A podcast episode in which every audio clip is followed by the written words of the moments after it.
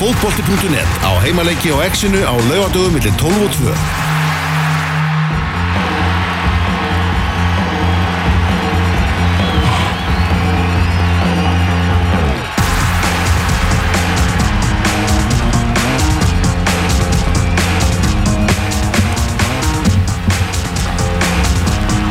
Já, komið þess alveg blessuð út á státurinn fótbolti.net heilsar ykkur, það er komin annar júni árið 2018 styttist óðfluga í HM í Rúslandi og strákunar okkar í Íslenska landsliðinu er að keppa vinnótturlandsleika múti Noregi í kvöld á laugadalsvelli og uh, þátturinn í dag mun litast uh, talsvert af þeim leik og einnig, náttúrulega komandi verkefni á móti Ghana og svona, þessu bara sem er framöndan hjá strákunum okkar eftir viku þá verða þær mættir í flugveluna, mættir í loftið og verða á leiðinni til Gelandsik í, í Rúslandi en það er bærin þar sem að liðið mun hafa til meðan á mótinu stendur mun hafa sínar bæki stöðvar Við ætlum að gera margt og, og mikið í þessum þætti. Fáum við þetta tvo leikmenn breyðabliks hérna á eftir, þá Gísla og, og Davíð. Við ætlum að fara við byrjun blika í Pepsi-deltinni skoða leikina, við ætlum að heyri dómaranum sem að dæmir leikin í kvöld Ísland-Norrögur, það er áhugaverður svíi sem að verður með, með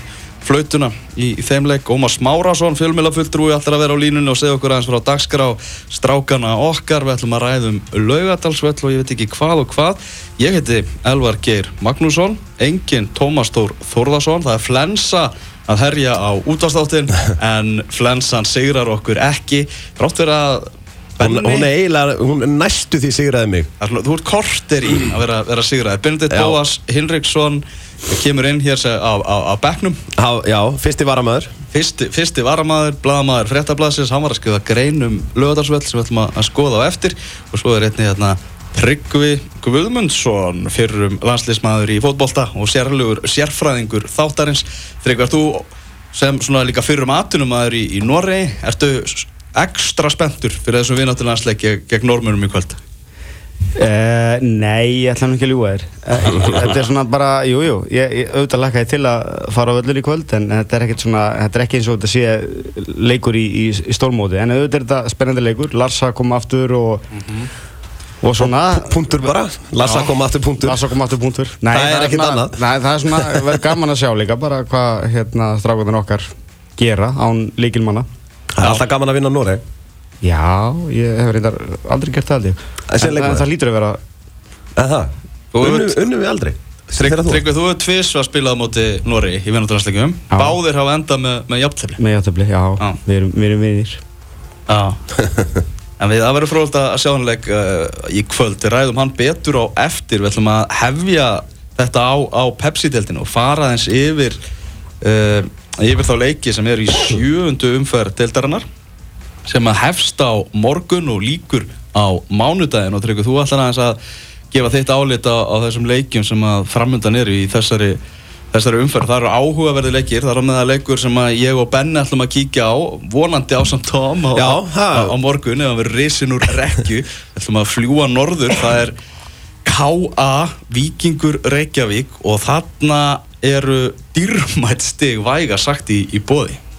Já, þarna þurfum við að káa menna að stíga upp. Þeir náttúrulega áttu mjög gott mót í fyrra og í raun svona bættu við sig að það ekki. Svona ætlaðu að gera liðið meira spennandi og ætlaðu sér ah. meiri hluti heldur en að vera í um, tíundasetti í dag og vikingur sem eru bara sæti fyrir þá, stigi fyrir þá. Þetta er, þetta er svona líkileikur fyrir þá. Og það hefur svona eftir öllu að byrjun þá hefur halland að fæti hjá, hjá vikingum.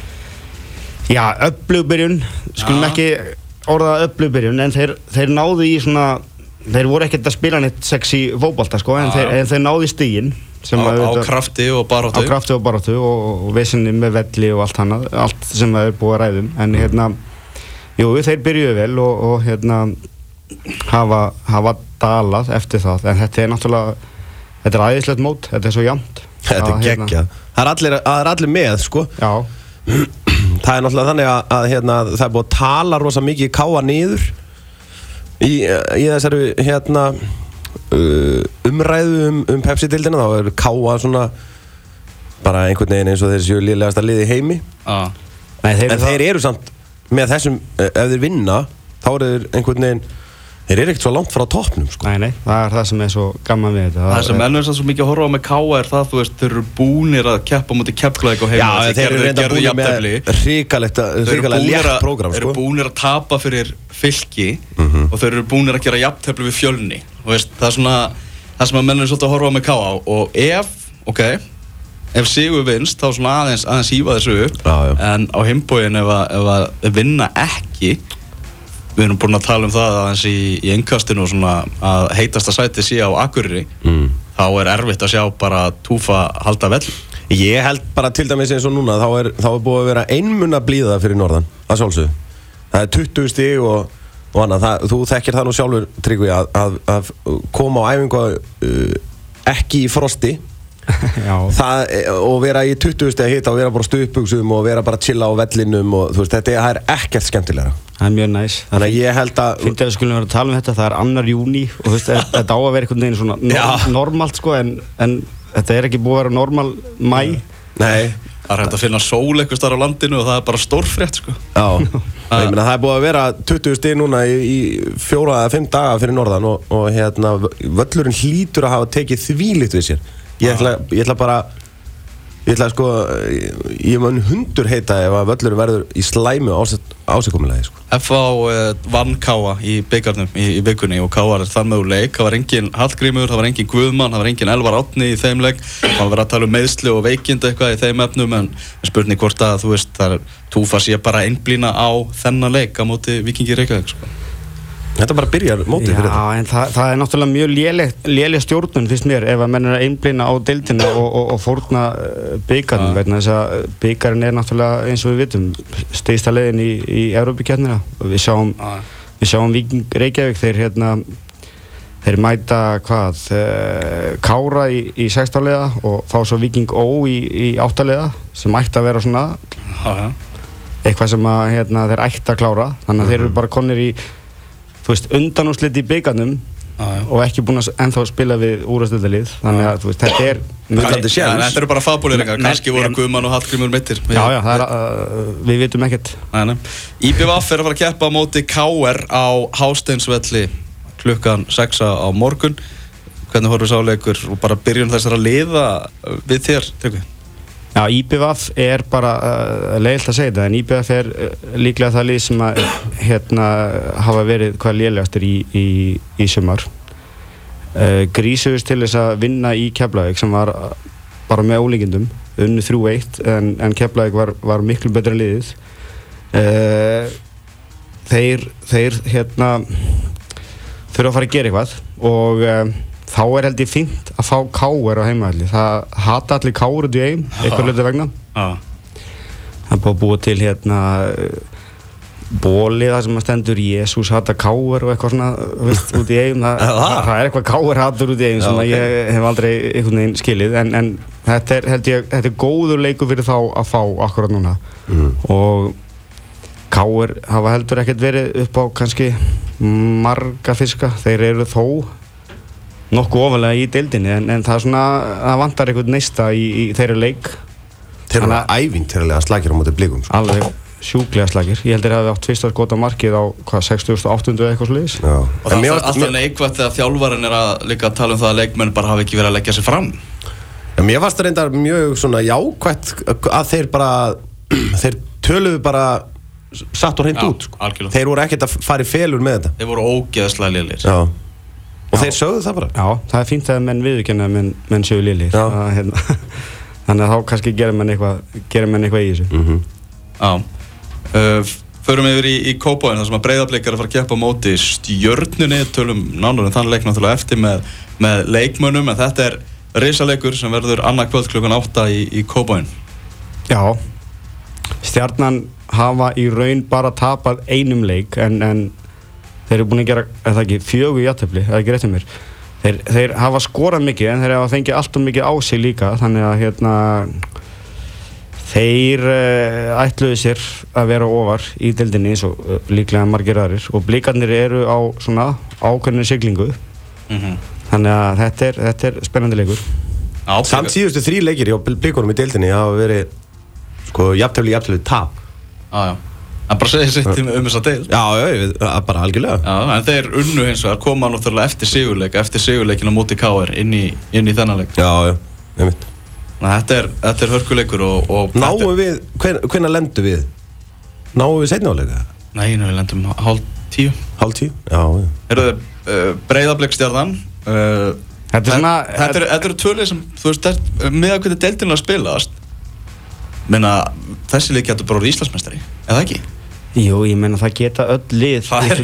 Það geta öll lið orðið íslumistrar En svona með að við eh, með að við svona spilamennsku liða þá ætla ég ekki að segja öll lið Ég ætla að segja að IBF getur ekki orða Keflag getur ekki orða Víkingur Reykjavík getur ekki orða Káa getur orða ef þeir vinna Víking uh, fyrir norðan og koma sér í gang Já, ég meina, Þau geta alveg tekið eitthvað rönn núna getur tekið raun Þeir eru með mannskap alveg. Drullu flottan mannskap uh, þannig að þetta er þetta er náttúrulega jæmt Getur Grindavík orðið Íslandsmeistari? já menn eru ekki öðru seti Jú, jú, það er svona að fyndið þegar maður er að tala um þetta þá eru menn að tala um breyðablik, FA, KR Val, stjórnuna Mm. menn er ekkert að tala um liðið sem er í öðru sæti sko. nei, nei.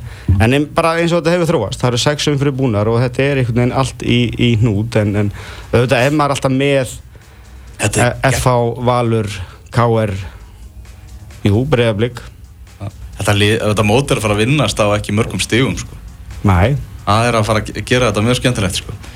Eru þið fjölnir að fara að keppa móti valsmönnum, Íslandsmyndurum val sem unnu þarna heldur betur upplöðan sigur á móti blikum í, í síðustu, síðustu umferðar að fara að heimsækja gravarvógin og fjölnismenn náttúrulega koma líka eftir sigur í, í þannleik já, eftir reynda að tapa móti þósverum í, í, Já, glemum því ekki. jú, en hérna þetta er einmitt svona leikur. Valsmenn hafa alls ekki verið sko sannfærandi. Þessi leikir sem að valsmenn hafa unnið þeir hafa verið mjög tæpir og þetta, þú veist maður hérna, ég var einn af mörgum. Benni þú varst líklega þar þar sem að við vorum að spá valsmennum bara mjög góðu gengi í sumar. Já, já.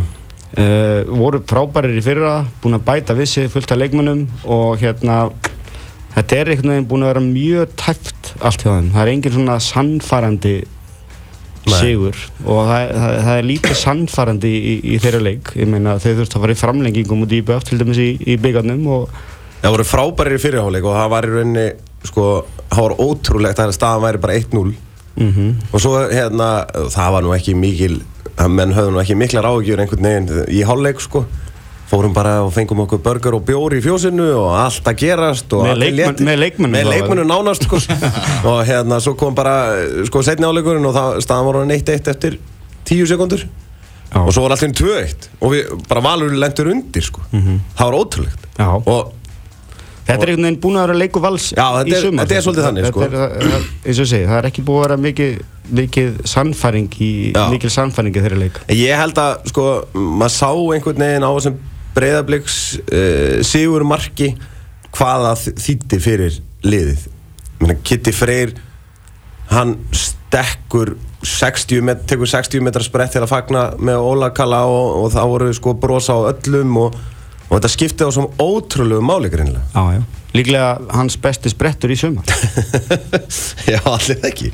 Það er spurningum eftir svona mörg hvort að þau geti gefið svona liðum Kveikja í, sko. veikja þessi í og, og, og svona rífa þetta, rífa þetta þessa stað fyrir að valsmenn hafi verið svona vombrið á heldina litið í upphafi tímabils þá eru þeir bara ennþá í blúsandi Þeir eru bara tveimur stigum og eftir eftirliði. Það er skrítið eitthvað þegar að tala um þess að deilt sko. Já, við erum bara sjötta sæti og þetta er eiginlega vombriði en já, bara ef, að, ef að þetta spilast vel fyrir þá núna þessi umferð þá verður þið bara Já. Birgir Már náttúrulega farin bara í undirbúning með landsleginu náttúrulega þannig að hann kemur ekki aftur fyrir Hvað missir hann af? Fjórum eða fimm? Missir á einhverju leikjum hana og FA og Keflavík eigast séðan við um, við fyndum okkur við þannleik. Mm. við erum í mánudagsleikjunum núna. Það er enginn að fara sýsta annað en einn á þennan leik en á hinbóin hefur FA í síðustu tveimu deildaleikjum gert jafntefla móti fylki og IPVF Já, nákvæmlega. Maður, þetta er svona, þetta er algjör eitt leikur eins og segir sko. En hérna, sko, Keflæk þeir voru, þeir spiluðu fanta vel, fannst mér á móti IBF það er að segja fanta vel á þeirra leveli þeir voru miklu betri, þeir áttu fullt af færum en það þarf náttúrulega að klára færin og ef þú gerir það ekki á móti FH þá er það alveg ljóst að, að Og hvernig svo leikur fer bara? Hvernig sjá leikur fer? Jeppe á meðslalistanum veist, það er ekki margir sem geta verið að raða inn í þessu liði ef við tölum bara reynd út, sko. Nei, það er svona eh, auðvitað var þetta mikið úr föstum leikátturum á móti IBF á sínum tíma en, en, en það, það er sama, það þarf að, það þarf að klára færin og jú, Jeppe hefur verið duglegur við það í gennum tíðina og hann er meittur þannig að þá þurfa bara aðra að stígu upp. Svona FH hefur verið að matla svona í gegnum byrjun, byrjun mótsins. Uh, ekki neinn flugvaldarsynning maður svona býða til því að þeir svona farið að sína jafnvel flugvaldarsynningar því að það er náttúrulega algjörlega uh, gæðin til staðar í, í þessu liði. Bara ef við tökum byggarleikin á móti Káa og skoðum Bekkin, Pétur Viðars, Lennon, Viðar Ari, Alli Guðna, Alli Viðar Björnsson og Brandur Olsen, færi einhverjinn þeir, eru- þetta, þeir eru bara á bekknum og samt bara, bara feikistert byrjunarlið að byrja leikinn sko. uh, náttúrulega sagan endalösa með Geoffrey Castiglione það er búið að segja allt, bara hann þetta er ekki sami leikmaður og var hjá Vikingi í fyrra þeir þurfa að fara að finna leikmaður sem spilaði með Vikingum Er þetta alveg öruglega hann eða? ég er ekki viss, ég er bara, ég er hreinlega ekki viss að þetta sé hann Það sko. geggja tíst hann að að hann nætti bara einhver tvíbura bróður Og þetta væri hann hver átti það? Var, ég sá það í gæra að hérna, það var einhver sem týsti því sko, þess að þetta, hlý, þetta getur ekki verið sami leikmaður, þetta er einhver bróður hans bara frá Hollandi sko. Það eru rosa vonda fréttir fyrir kefvikinga að deildin sé að spila svona. Það eru öll liðin einhvern veginn að taka stig nema þeir eru svolítið að sitja, sitja eftir. Og svona nýja þú veist það er komin sjöndafumferð nýja brumið sem er oft svona uh, nýlegaðnir nota til að, til að sapna sér stigum sem að er nota sem forða eila út mótið það, þú veist, nýja brumið er farið sko. Já, það einhvern veginn kom aldrei. Það kom aldrei. Ja, Þeir verða allavega að fara að byrja. Þeir þurfa að fara að byrja en eins og ég saði áðan og hef sagt áður þeir áttu náttúrulega að vinna IBF voru bara algjörir klaufar uh, nýtt ekki sín færi og, og gáfu þrjú mörg sem er uh, náttúrulega ekki bóðlegt en þeir hljóta svolítið að myndi ég halda að að nota þetta jákvæða úr þeim leik. Þeir voru þá allavega í færunum allt svo leis og það þarf bara að fara á smá skotæfingu og reyna aðeins betur yfir þetta og þá geta þær alveg gert eitthvað. Mm. það er grjótarður leikur í Grindavík. Grindavík er að fara að keppa á móti fylki þetta eru, þetta eru, þetta eru tvö lið sem gefa ekkert eftir. Það er, það er stemming hjá báðum liðum. Þetta eru menn sem eh, bara bæði liðið uppfull af mönnum sem eru tilbúinir að, að deyja fyrir málstæðin frábæra frétti fyrir fylkismenn. Ólafur Ingi, hann er búin að króta undir kemur eftir, eftir HM uh, tveir svona mest spennandi þjálfarar Íslands a, í dag að mætast. Óli Stefán og, og Helgi Sig. Það er margt svona einhvern veginn sexy við hennar leik. Fráttur að ég er ekkert alveg viss um að verða eitthvað húrrandi skemmtilegur sko Nei, ég veit ekki. Grindavík eru samt uh, að mínu mati með, með skemmtilegra fótballtalið. Já. Það er svona það er meiri hasar og læti og, og, og hérna yðnaður í, í, í fylki heldur en, heldur en Grindavík. Grindavík er með svona fullt af góðum leikmennum, konum með Sító til dæmis í, í strækinu sem að ég er mitt meðal annars fekk til IBF á samt öðrum hérna á sínum tíma og stóð sér vel þar. Og hann er með hæfileika og, og, og fleiri, það er svona að mínum að þetta eru fleiri fótboltahæfileikar í, í hérna í grindagliðinu heldur en í fylkisliðinu. Sýndan náttúrulega floppaði hjá fylki þannig að hann er örglega tilbúin Já, já, hann er alveg til í að sína þeim að eitthvað. Þetta er margt, margt áhugavert við hennar leik uh, taland um heimkomuna hjá Ólaf Inga Skúlasinni þetta hefur verið ofta svona þema þessi gegnum mótið að menn er að koma heim úr atvinnumennskunni. Flest er að fara bara til sinna félaga uppeldisfélaga sinna. Af þessum atvinnumönnum sem eru þarna að- búin að koma heim Tryggvi, hverjir eru búin að standa sér best? Hverjir eru búin að standa sér vest Já, þetta er nefnilega erfið spurning. Uh, Aldrei komi jafn margir atvinnumenn heim eins og fyrir þetta mót núna í sumar uh, enginn hefur farið með heiminskautum Enginn hefur gefið mér svona wow. Já, En- en- Það er árið Já, en, en uh, ég veit ekki, Gummi Kristjáns í FH hefur, hefur staðið sig vel, finnst já, mér. já, búin að vera í afleysingum í vörninu og gert Já, það bara hann er náttúrulega ekki í sinni stöðu þannig séð sko, en, en, en hefur staðið sig vel. Maður sér samt að hann kann ekki alveg að spila hafsend sko. Nei, það er svona nokkur, nokkur moment það sem að maður sér að uh, hann er svolítið viltur í hann, hafsend hann heppin er í góðu liði. Já, ég segi það sko. Já. já. En, en, en það eru bara því miður allt og margir sem að hafa floppað finnst mér. Og hérna leiðilt að Floppað alltaf með við væntingar. Leiðilt að eh, nefna nöfn en við erum vist hér til þess að gera það. Ég meina Kitty Steindors í FH það er lítið sem ekkert að frétta þar finnst mér og það er svona Sölvi uh, var náttúrulega ekki með í, í fyrstu umferð kom svo sterkur inn í annaru og þriðju og svo spurning bara hvort hann sé búin að vera meittur Já, bakja, bakja ánum er að stríða honum sko. í honum en, en svona heilt yfir þá, þá hérna kalla, kalla ég eftir meiri gæðum frá, frá Hallgrimur í Káa náttúrulega. Já, svona. Já já. Erum að, að lita þetta sterkum litum en náttúrulega liði verið í basli Ég líka sko eins og hann náttúrulega lendir í leiknum á móti Keflæk þar sem að uh, það er bara skipunin er að ekki spila fótbolta. Sem er og hvernig ætlar að sína einhver fótboltaleg gæði í, í þannig leik sko? Já, það er reyndar rétt höfður en, en þá, þú veist, þá þurfum menn bara að fara í kistuna og, og hérna líka einmitt sína ykkur gæði þar að segja eh, með kraft og einaði og, allt svoleiðis. En, en eh, já, það er svona mér vantar að sjá eitthvað svona stíga upp af þessum aðrumunum það eru, það eru eiginlega menn sem hafa stígið upp í sumar sem hafa heilað mig sem að eru ekki að koma á ræðarmennskun heldur bara svona eins og Gísli sem er að koma að hinga á eftir og, og, og hérna og fleiri. Mm Já, meina Birkir Már ekki um honum nú svona frípassa. Hann viðurkjönda nú bara sjálfur í viðtölum að svona HM væri aðeins að hefði aðeins verið að tröflan, skiljanlega. Já, já, eðlilega. Já, en, en hann er alls ekkert búin að vera eitthvað arfa slagur, sko. Nei, hann er búin að vera frábær varnama, eh, varnarlega. En ég er búin að sjá held ég alla leikina með val. Hann er búin að vera mjög góður náttúrulega varnarlega og gerir það bara vel. Já, já, ég menna, og, og sóknarlega líka.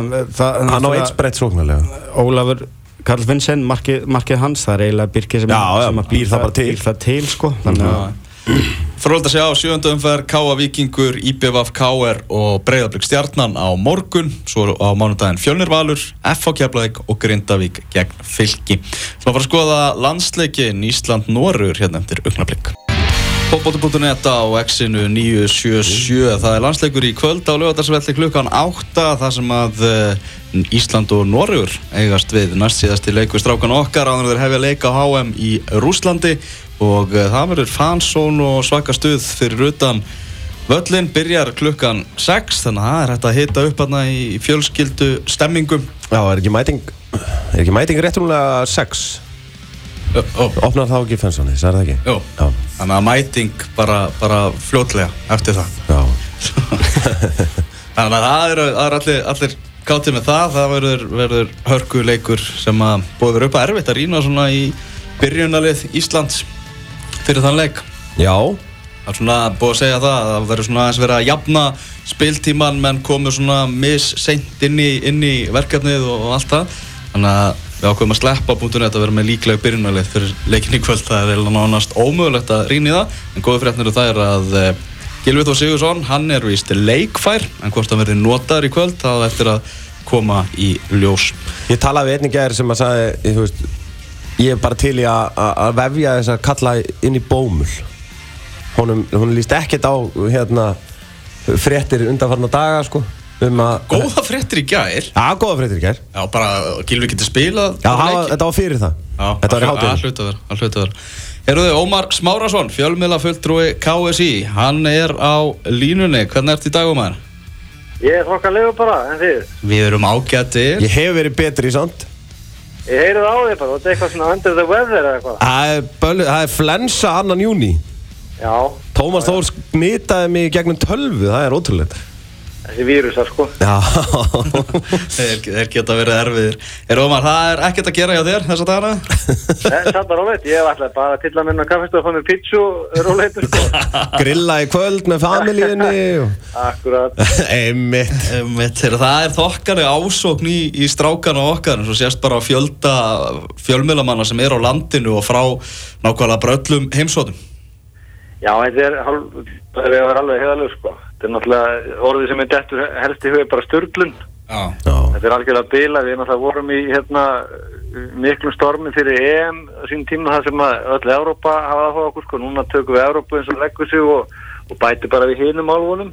Bætu bara við nokkur miljardum í viðbót. Ja, það er svolítið þannig, það var hérna í síðustu viku voru einmitt sko hérna grúpur frá ja, bandaríkjun og þeir hafa verið að koma mikið, það voru Argentínu menn, það voru Kínverja, Japanir, Ástralir og, og svo náttúrulega Europa og annað þetta allt saman Og svo er stærsta bara blað uh, Ítalju hérna Gazette, hvað heitir það? La Gazette Della Sport. Já, Della Sport að það er náttúrulega sko, þeir eru búin að já, þeir eru búin að taka bara Reykjavík með stormin ánast sko Já, hann, Filippo Conticello sem er alveg stór vinnu minn, hann er hérna búin að vera landinu um einhverja daga og í, sko, hann er að sapna efni, ég held í sex blaðsýður á dag eða eitthvað, þetta er náttúrulega algjör Já. en er ótrúlega skemmtilegt þeir sem sagt, eh, hérna, sett upp einhvers konar uh, könnun á vefsíðinni á sér Mm. og spurði allir sína reysendur að fylgja um eitthvað 30.000 sem tóku þátt hvaða liði er við að fjalla næstum á háum að því að við erum nú ekki sjálfur með ítalarnir. Og það voru í spæð hver 85% sem svörðu hérðu Ísland. Og það, það steinlá Já, ok. Þannig að Filip og Pippo Greif var sendur ykkur uppbyttir og hann er búin að vera hérna um kvipin og kvappin að hitta fórsetan og ég veit ekki hvað og hvað sko til þess að sapna öllu þessu efni sem það að skila af sér. Þetta er rosalegt að mér sko. Ok Er það þessi, þessi, leikur á móti Nóri í, í, í kvöld Þannig að það fá það eins og maður til að segja okkur hvernig dagskráin er hjá strákunum okkar bara næstu, næstu vikuna Já, þetta er oft, ofta svona svolítið hefbundi sko, við reynum að rótir ekki, eða svona ruggla svona ekki mikið, þannig að hún sé alltaf stöðu á milli eins verkefnis og, og annars. Við vorum núna áðan á, á æfingu, sem sagt það er alltaf leikdagsæfing, það er kalla það svona smá strikt bara sem bara að labba um og einhverju færi reyt og, og svo leiðis. Svo er bara leikurinn í kvöld, það er, er frí á morgun, það verður svona hálfparti frí á mánudaginn, það verður æft en svo ætti einhverju í golf eftir átti og til að slappa á og svona og svo dettum við aftur bara í, í, í match day preparation daginn eftir það. Þá er hérna fjölmulegnar að koma að hitta okkur æfingu og svo framvegis og svo er þetta bara fundir og matur. Ég gera rosalega lítið annað en að funda að borða gæði Já, það er svolítið mikið í því.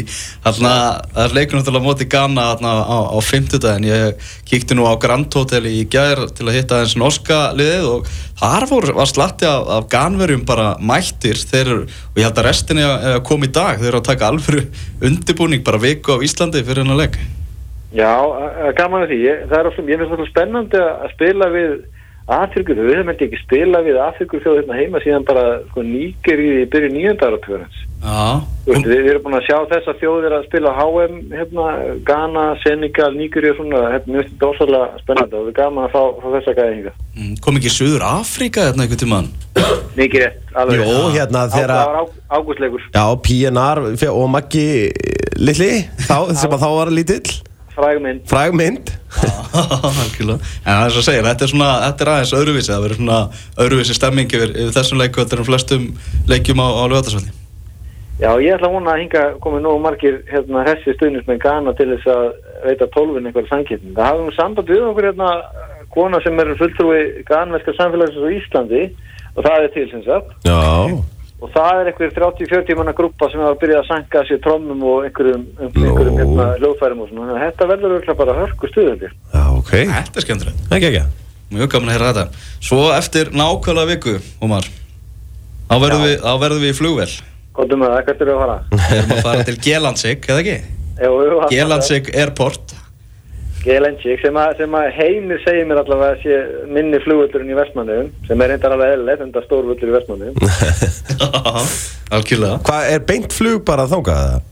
það er, það er beint svo þanga Já, ok, strákar, þetta, það er þetta mikið æfintir í framöndan ég er stundu spurður að því sko hvort ég sé ekki spenntur og hlakki ekki til og svona en, en það er bara svona stormur að ganga yfir hérna maður er ekki tíma til að í því sko. Ég er bara þau fegin ég komið til Úslands Já, nákvæmlega, ég, ég hafði nú, sko, ég, að því ég sendi nú Ómari post að ég sá að hérna danska, eh, hérna, danska landsliði fekk eh, sér dínur á hótelið og hérna ég hugsaði, allir Ísland sé að fara að fá eitthvað frá rekkjunni og eitthvað svona, svo sendi ég ægilega fínan post og ég hugsaði þegar rétt á henni sendi Vá, ég feg bara aftast í röðina sko, ég feg, fæ svar bara einhver tíma eftir þrjá daga held ég. Já, Ómar náttúrulega svaraði þessu um hæl sko. Já, Hversu marga pósta færðu? Ég, sko, ég er að fá eh, kringum 100 pósta á dag bara á mitt mail Já, svo er eitthvað annað eins á þetta sem heitir media postin sko þannig þetta er sí Fólk vil fá að vita ansi mikið eða vil fá að vita dínutnar sko.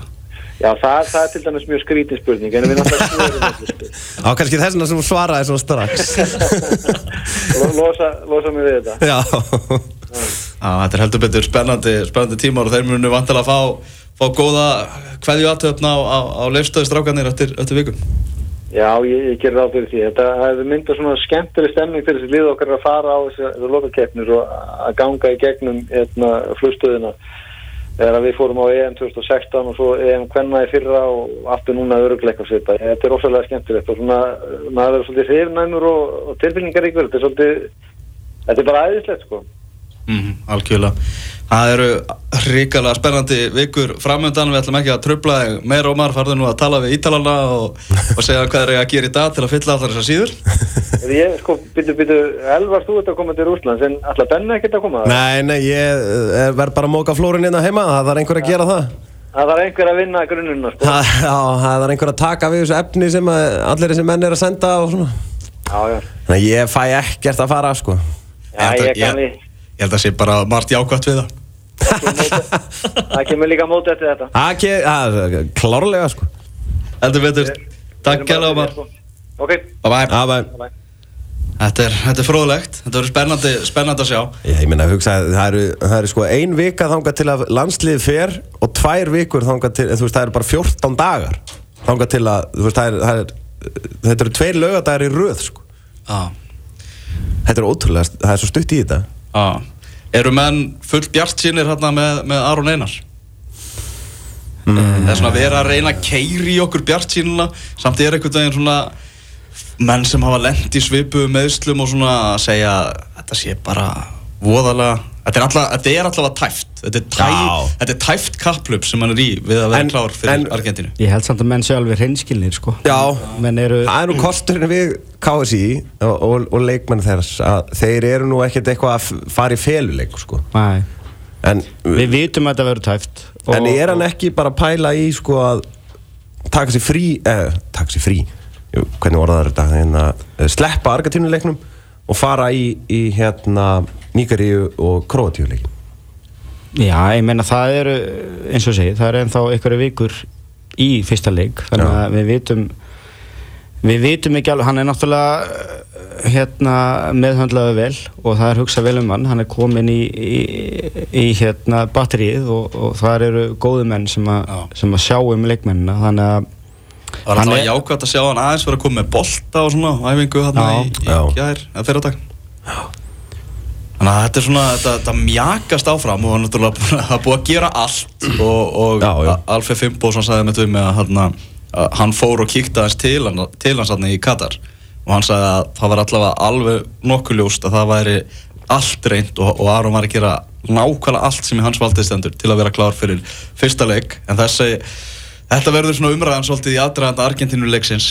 Með fram þessum fyrirlegum hann, hann var, var hann í hann var ógslag lengi hjá hann að Spire Já, hann var alveg í tíu já, daga tók bara fjölskylduna með Já, og ég er nú það var nú hægt að follow, fylgjast með honum á Instagram og svona. Hann, hann var ekkert að slá slöku við sko. Nei.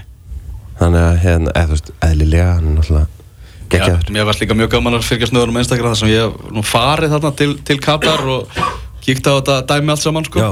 Þetta er náttúrulega að þeir eiga svo mikið að peningum að eyða að þeir veit ekki hvað þeir að gera við þetta byggja bara risastóra veitingastaði með öllu tilherandi vanda bara alltaf fólkið inn á staðina Já. til, a, til að vera þarna og einmitt, ég var alltaf svona skím eftir því sá, sá hann að vera að borða með fjölskyldinni og þau voru einin á staðnum og svona sko Já, já, já Þetta er mjög furðulegt samfélag allt saman. En við ætlum ekki að ræða það. Uh, næst ætlum við að ræða um dómara leiksins. Við ætlum ekki að bara ræða um hann, við ætlum að ræða við hann. Já, heldur betur Já, við hefum bókað hérna akkurat 12.40, það er að detti það, þá eigum við viðtal við uh, dómara leiksins sem er svíi, heitir Jónas Eriksson. Það, þú hlustandi góður, þú hefur séð þennan svíja marg oft. Uh, hann hefur hann verið svona meðal fremstu dómara Evrópu um, um margar ára skeið dæmt risa leiki í meistaradeild Evrópu, dæmdi hérna líka Evrópudeildarleik uh, Arsenal og AC Milan það sem hann var svona frekar, frekar umdeildur í, í þeim leik en Fótbolti hefur svona verið hans ástriða en hann er að fara að dæma sem síðasta leik í, í kvöld Algjör skandal Tryggur þú heldur að hann hafi gefið raukt spjald eitthvað maður? Mér minnir það. Ég allavega hann mann eftir að hann, hann dæmdi í, í hérna allsvenskan þegar ég var að spila þar.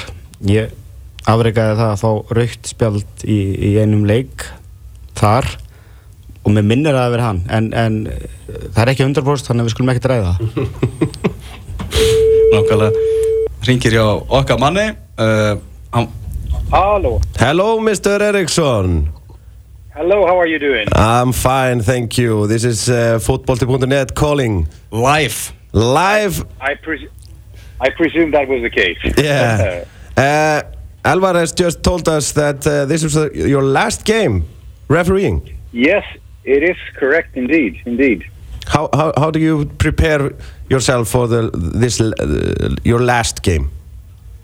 Well, uh, I am preparing myself as I've done over the last 16 years of international football, the same preparation uh, in every aspect in terms of eating, sleeping, drinking, uh, tactically preparing for the match, whether it's a competitive match or a friendly match. Okay. Uh, as long as it's a football match, I'm remaining professional until the very last minute, last second, last whistle of my match. So actually, nothing has changed. I mean, the what, what is changing is is after the match. Up, up the match and including the match, I will remain as, as I've always done before.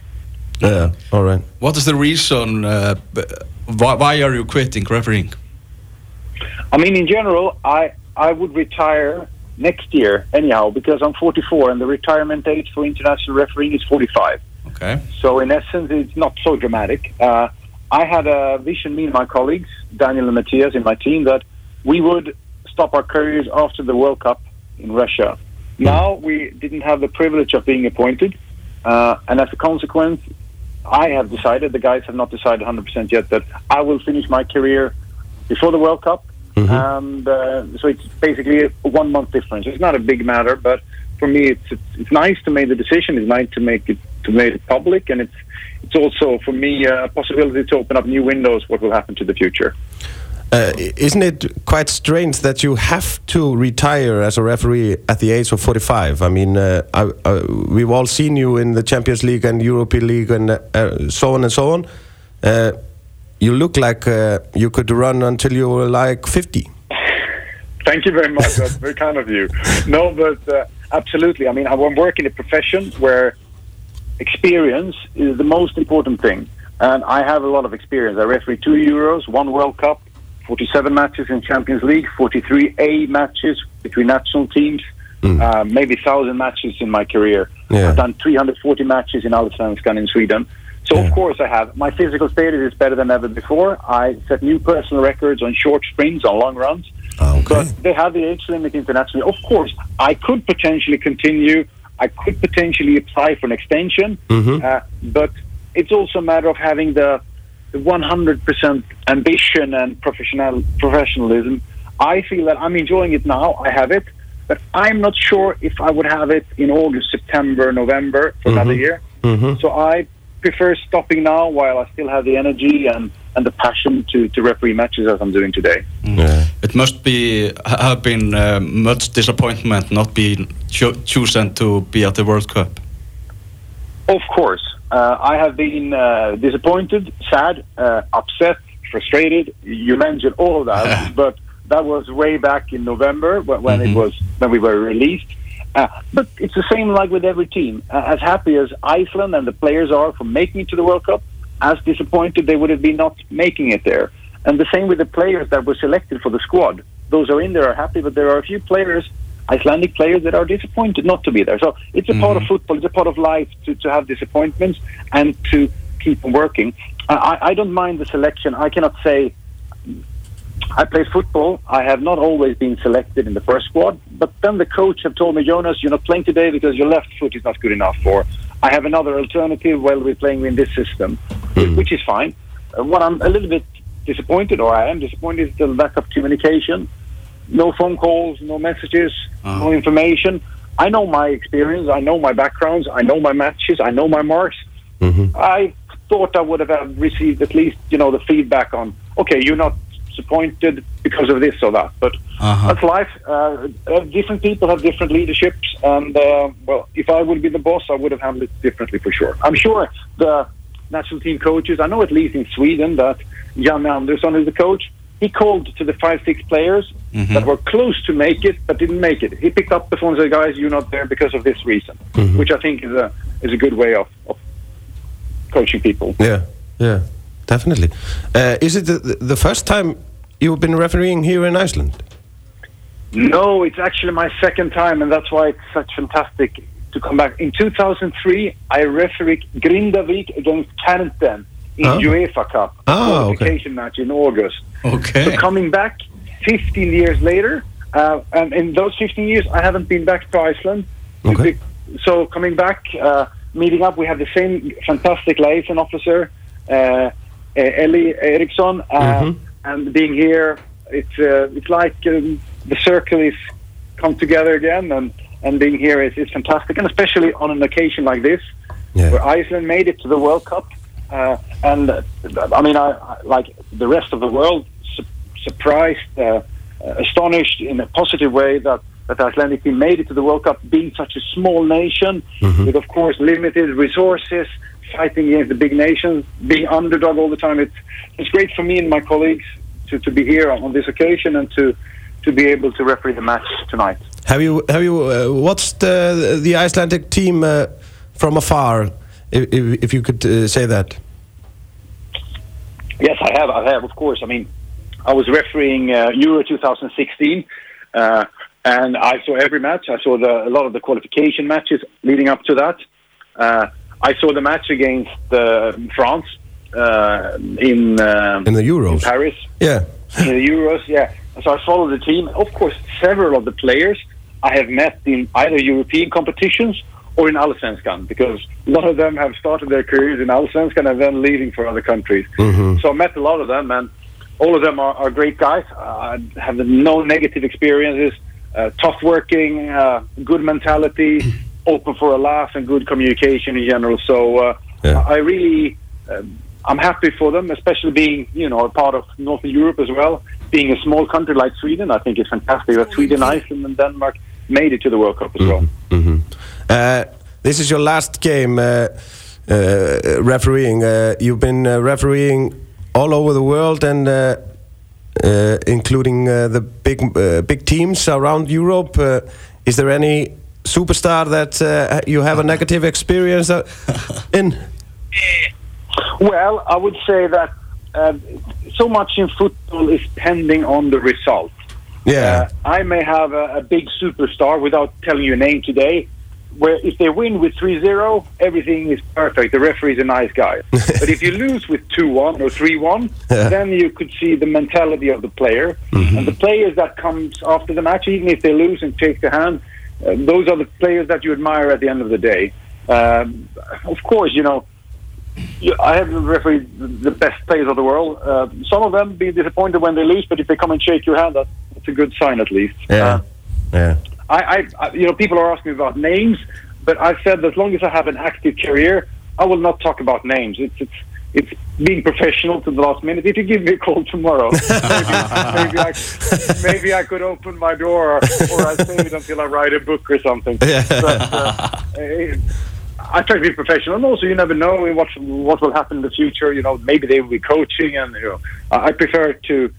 If I have a problem with anyone, I talk to them myself. Ah, so if okay. I have a problem with a player, I usually address it in the same way that I would like people to handle me. If they think I'm making some or is creating a problem, I would appreciate if they would talk to me. Yeah, yeah, yeah. Uh, can you see a small nation like Iceland have a referee that is uh, refereeing in, in the largest tournaments, uh, Champions League, World Cup, Euros? I am 100% sure that that should be the case. In my view, Christian Jakobsen would have deserved a spot in the elite category a few years ago. He was a great referee, great physical state, uh, great leader, communicator. Uh, he was not there because he was from a small country. With a bit more support, uh, lobbying, which is needed, he would have been there. He deserved to be there. Uh, If Christian should have been there, I'm sure there could be Icelandic referee reaching that level in the future. But you need patience, you need support from the FA, uh, and you need a bit of luck, and you need a bit of lobbying. I mean, you could look at the World Cup referees. There are great referees, really great referees from Europe being there, but predominantly you have big countries. It's easier to be from Spain, Italy, Russia, France, etc., etc. If you, uh, th- those are more or less always in the World Cup.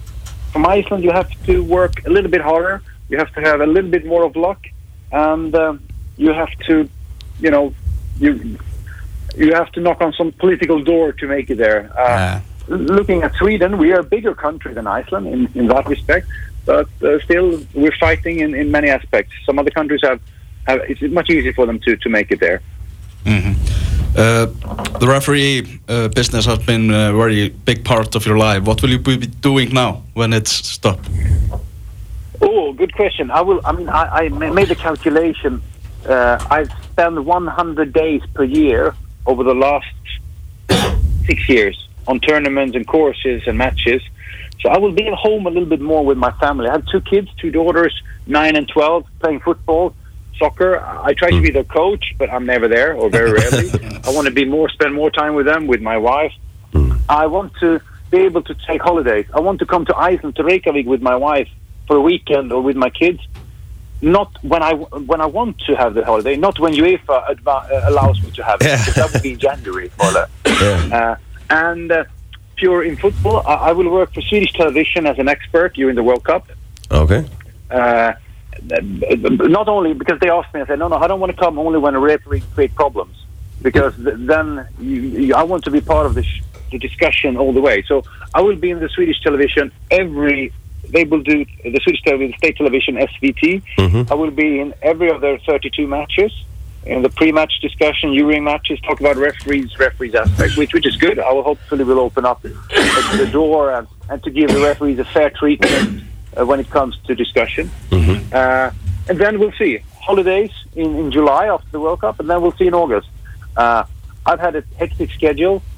It will be very nice to have an open schedule to be able to do things I wish, spend more time with the family. Uh, I have no hurry in making my decision where I will do. Yeah. I'm active. I'm owning two gym. I have two other companies. I've, I have a lot of ideas and plans, but we'll see what happens. Uh, everything has been football up to Oh, date. yeah, okay. All right. A busy schedule then. Uh, Jonas, uh, always welcome to Iceland when you. Thank you uh, very much. uh, good luck tonight. Thank you very much. Great to hear to you. Bye bye. Bye bye. Já, þetta var Jónas eh, Eriksson sem, er sem er að að fara að hætta að dæma. Hann er náttúrulega, er bara, hann á nót til. Hann á Já, fullt, af, fyrirtækjum. Og ég heyrði það sko að hann mætti ekki dæma hjá PSG Mhm. vegna þess að hann er búin að vera í viðskiptum seldi eitthvað fyrirtæki til eiganda Já. PSG sko. Einmitt. þannig að svona hann, hann er bara af ástríðu fyrir fótbolta búin að vera í domgjastlunni, það er ekki út á hann vantaði einhvern aur, alveg, alveg langt frá því en uh, það var gaman að heyra í honum og voru fróðilegt að sjá hann í, í leiknu, leiknum í kvöld. Þegar Benni, þú mátt heyra hérna þessi í, í blikonum, þeir eru að leita að þessu. Mátt bara ringja Já, herðu, ég skal gera það. Já, þarna tryggum við þessi leikur í kvöld Ísland-Norröður Já. Þú ert nú aðeins búin að skoða, skoða norska liðið. Það er búið að vera í náttúrulega mikillir lægð og Lars Lagerbakk er bara einfallega ráðinn til að reyna að búa til eitthvað unit aftur sem að, sem að getur gert eitthvað uh, Ég talaði við fjölmiðlafulltrú á Norex í, í gær og vorum að spyrja hvort að hérna, þeir eru að leika á móti Panama á heimavelli í, í, hérna, sem er næstu vinnáttuleikur hjá þeim. Við spurðum hvort að það væri möguleik á því að, að það eru uppselt á þann leik og hann bara hló sko. það er bara að það hefur ekki verið uppselt á landsleiki voru í háa herrans tíð. Og það er bara vonandi getur Lars Lagerbakk breytt í Já, já, þetta er, þetta er uh, stórt verkefni sem að uh, Lars er komin í. Uh, Ég man hérna fyrir hvað, 10-15 árum þegar norska landsliði var kannski upp á sitt besta, þá voru þá var eiginlega byrjunliði allt meira og minna leikmenn sem voru að spila í, í Premier League en skúrastildinni. Uh, núna erum við bara með Joshua King í Bournemouth, by the way. Ah. Skilur, ekki, þú veist, við vorum með Stig Inge Björneby, við vorum með Ole Gunnar Solskjær, já, já. Við vorum með Auðvin Leonardsen, við getum Frúði Grúðás í markinu hjá hérna, Chelsea og, Tór-Andri Fló Tór-Andri Fló Þú veist, við erum bara, þú veist, þegar, þegar ég er að alast upp þá er bara norskir leikmenn í öllum stærstu liðum Englands. Akkurat. Og það bara hefur það hefur eitthvað, eitthvað klikkað. En hérna hann er komin í þetta verkefni að að rífa þetta upp og svo fylgist þið aðeins með í Nóri að sjálfsögðu uh, það er svona eitthvað að gerast í U17, U19 U21 er svona uh, all right en hérna það er svona, það er eitthvað hlutir hlutir að gerast en uh, já það vantar bara, það vantar stóru, stóru nöfnin sem að voru hér áður fyrr Mhm. Það eru nokkri leikmenn sem þeir eru svona að binda vonir við, náttúrulega Martin Öðegard hefur ekki alveg þróast eins og þeir vildu en svona hann er náttúrulega bara 19 Hann er hann er 19. enn- hann er ennþá bara 19 Já. Eh, hvað, er þetta ekki þrjú ár síðan hann fór til, til Já. Real Madrid eða eitthvað svo leiðis þannig að hérna þeir jú, þurfa, þurfa kannski að sætta sig við það að hann verður ekki þessu ofurstjarnar sem voru að búa vonast til svona í fyrstu, hann er bara einhver Ronaldo Messi gaur, sko. hann er ekki að fara að vera það. Nei, nei, það er, það er eiginlega farið sko. En það eru hann einhverjir eh, leikmenn sem er að koma upp. Sanner Berge til dæmis. Mm Hann er 20 og hann er hérna að spila með Genk í Belgíu núna og er eftirsóttur af liðum í La Liga. Já. og það er svona, það er einn og einn að, hérna, að dettin en það er svona, já það er eins og segi það, það vantar þessi, vantar þessi stórun Mhm. en, en kannski skemmtilega fréttir fyrir, fyrir íslenska landsleismenn það er vita því að það verða fullt af spænskum stórliðum sem verða með augun og lögadarsvelli í, í kvöld. Já já, þeir eru meira og minna mætti til þess að einmitt kíkja á þennan Sanni Bergi en, en maður veit hvernig það getur oft þróast það hérna geta aðri leikmenn hérna heillað þessa gaura og, það getur vel verið að einhverjur okkar mönnum getur heillað á eða einhverjur aðrir norski menn, það er, það er aldrei að vita í þessum blessaða bolta en ég er svona, ef við snúum okkur aðeins að okkar liði mm -hmm. Þá, þá hérna er náttúrulega eh, eins og við erum búin að koma inn á margóft, það er stutt í, í, í HM Mhm. og þetta er vináttúrlandsleikur og maður svona, ég er svolítið spenntur að sjá hversu mikið menn gefa sig í leikin Já. það er náttúrulega, við fáum alltaf fréttir af því uh, fyrir svona stórmót og það er hinn og þessi, hin, hin og þessi leikmaður að að uh, dett út vegna meðisla og ég er svolítið spenntur að sjá hversu mikið við gefum mína leik, hversu mikið við þórum að fara í tæklingar og hversu mikið við þórum að, að hérna, svona fórn okkur í leikin normenn eru það sjálfsögðu ekki að fara á, á HM þannig að það skiptir þá í raun og veru engum máli þannig að þeir mun örgulega gefa þessu 100% Mhm. í þennan leik en ég, ég er svolítið forvitin að sjá hvort að fannst sko, ég spurði eitt Kára Átnarsson og fréttamannafundi í gær, bara út í þetta bara svona, allt þetta framundan það er verið að tala um Argentínuleikin til Rústlands, hvernig heldur að menn verði svona, hvernig gengur að gýra sig í vináttur landsleik á móti Nóri með fullri vinningu og hafa meðast að svaraði svolítið vel, hann sagði eiginlega bara það að ef menn alltaf verið einhverju handbremsu þá er bara hætt á því að vera ekki að spila á HM sko. Já, já, það er alveg góða búnt í honum en þú veist, það er, það, það gildir samt ekki um alla það er leikmenn miklu auðveldur að segja þetta heldur en að gera þetta. Ég, ég held að innst inni séu menn bara pínusmeikir um, um að meðast sem að getur alltaf gerst og, og hérna En svona eins og heimi talar þá fullt af leikmönnum að fara að uh, spila núna sem eru í hérna uh, þú veist, eru ekki í, byrjunarliðinu, eigi ekki fast sæti og þetta er bara síðasta sjans fyrir þá til að reyna að eiga eiga eitthvað möguleika á spiltíma Já, já. Og það er líka gott þannig í fótballtanum að hérna ef þú ferð 80% í, í tæklingu í staðin fyrir 100% þá eru meiri líkur að þú meðist þannig að mm. menn eigu auðvitað að gefa sig alla, alla í verkefni en, en maður skilur samt ef að það er þessi hugsun á bakvið að hérna að uh, þessir tvei leiki núna móti þessum liðin sem verður að spila æfingarleiki við gætu kannski skemmt HM drauminn og það er eðlilegt en, en já, þetta er, þetta er líklega ég hef aldrei verið í þessu stöðu því miður en hérna en ég held þetta sé svolítið erfitt að hérna kúpla sinni í þetta. Við höfum nú ekki verið að gera neina stormandi lukku í vinátturlandsleikjum í það öllum þessum uppgangi. Við höfum verið að vinna meira leikina sem máli skipta. Já, já. Sem er auðvitað miklu betra. Sem er miklu betra. Það verður gaman að sjá bara Lars Lagerbakk aftur á hliðalínu, þetta er náttúrulega tveir þjálfara sem þekkja hvort annan gjössamlega út og inn. Eh, heldur þú að heimir sé að er, er hann að fara að prófa ykkur að taktík að viti í þessum leik, er hann ekki bara að fá leik í kroppin og og svona? Jú, ég held þessi meira bara að fá, fá hérna, leiki í kroppin og þú veist, við erum náttúrulega með eins og við höfum komið inn á, við erum með tvo leikilmenn svona tæpa og svo eru ykkur sem að hafa kannski spila minna heldur en að uh, við vildum sem eru kannski ekki alveg í leikformi sem að geta nýtt sér, nýtt sér þessa leiki. En ég held að það sé ekkert að fara vesenast í einhverju taktík eitthvað hlutis, ég held að það sé nokkuð klárt fyrir, fyrir HM, Hva, hvað við ætlum að gera? En hvort byrjar hann með Gilva? Að lætur hann taka hálfleik eða lætur hann taka 20 mínútur eða? Uh, Af hverju þarf hann að spila á Gilva? Ég þarf hann ekki bara að koma honum í Ég- láta hann fá leik. Já, ég held einmitt, það var fint að fá, fá leik. Það kemur ekkert óvart ef hann kemur bara inn á í hálfleik. Eh, Já. eitthvað, mér finnst það alveg líklegt en, en uh, Við eigum Ghana á 50 daginn samt sko. Já, já, ég veit það það er bara, ég held bara, þú veist, Gilvi sé þannig að hann vilji bara spila alla leiki, sko. Ég, ég, ég hugsa, kemur hann ekki inn á svona, þú veist, á 80. mínútu og allir trilla skilur Gilvi er mættur, komin úr meðslónum og svo fær hann fleiri spilmínútur á móti Ghana.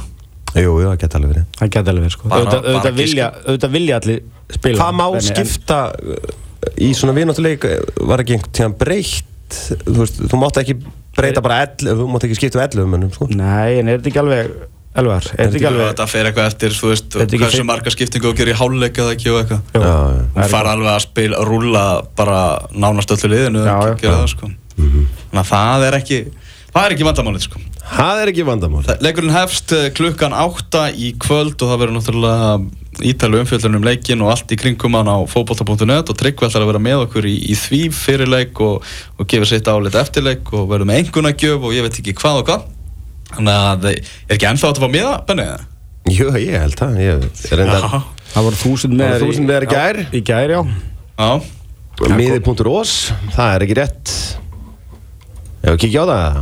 Já, kíkjum á það. Kaupa miða hérna, og Jó, já, það er slatti laust, sko Já, drífið ykkur. Það þýðir ekki að við séum að fara að taka mútið Lars Lagerbakk sem er já, á svona stóran þátt í uppgangi í landsleisins og við séum ekki með fullan völd sko. Já, Það gengur ekki sko.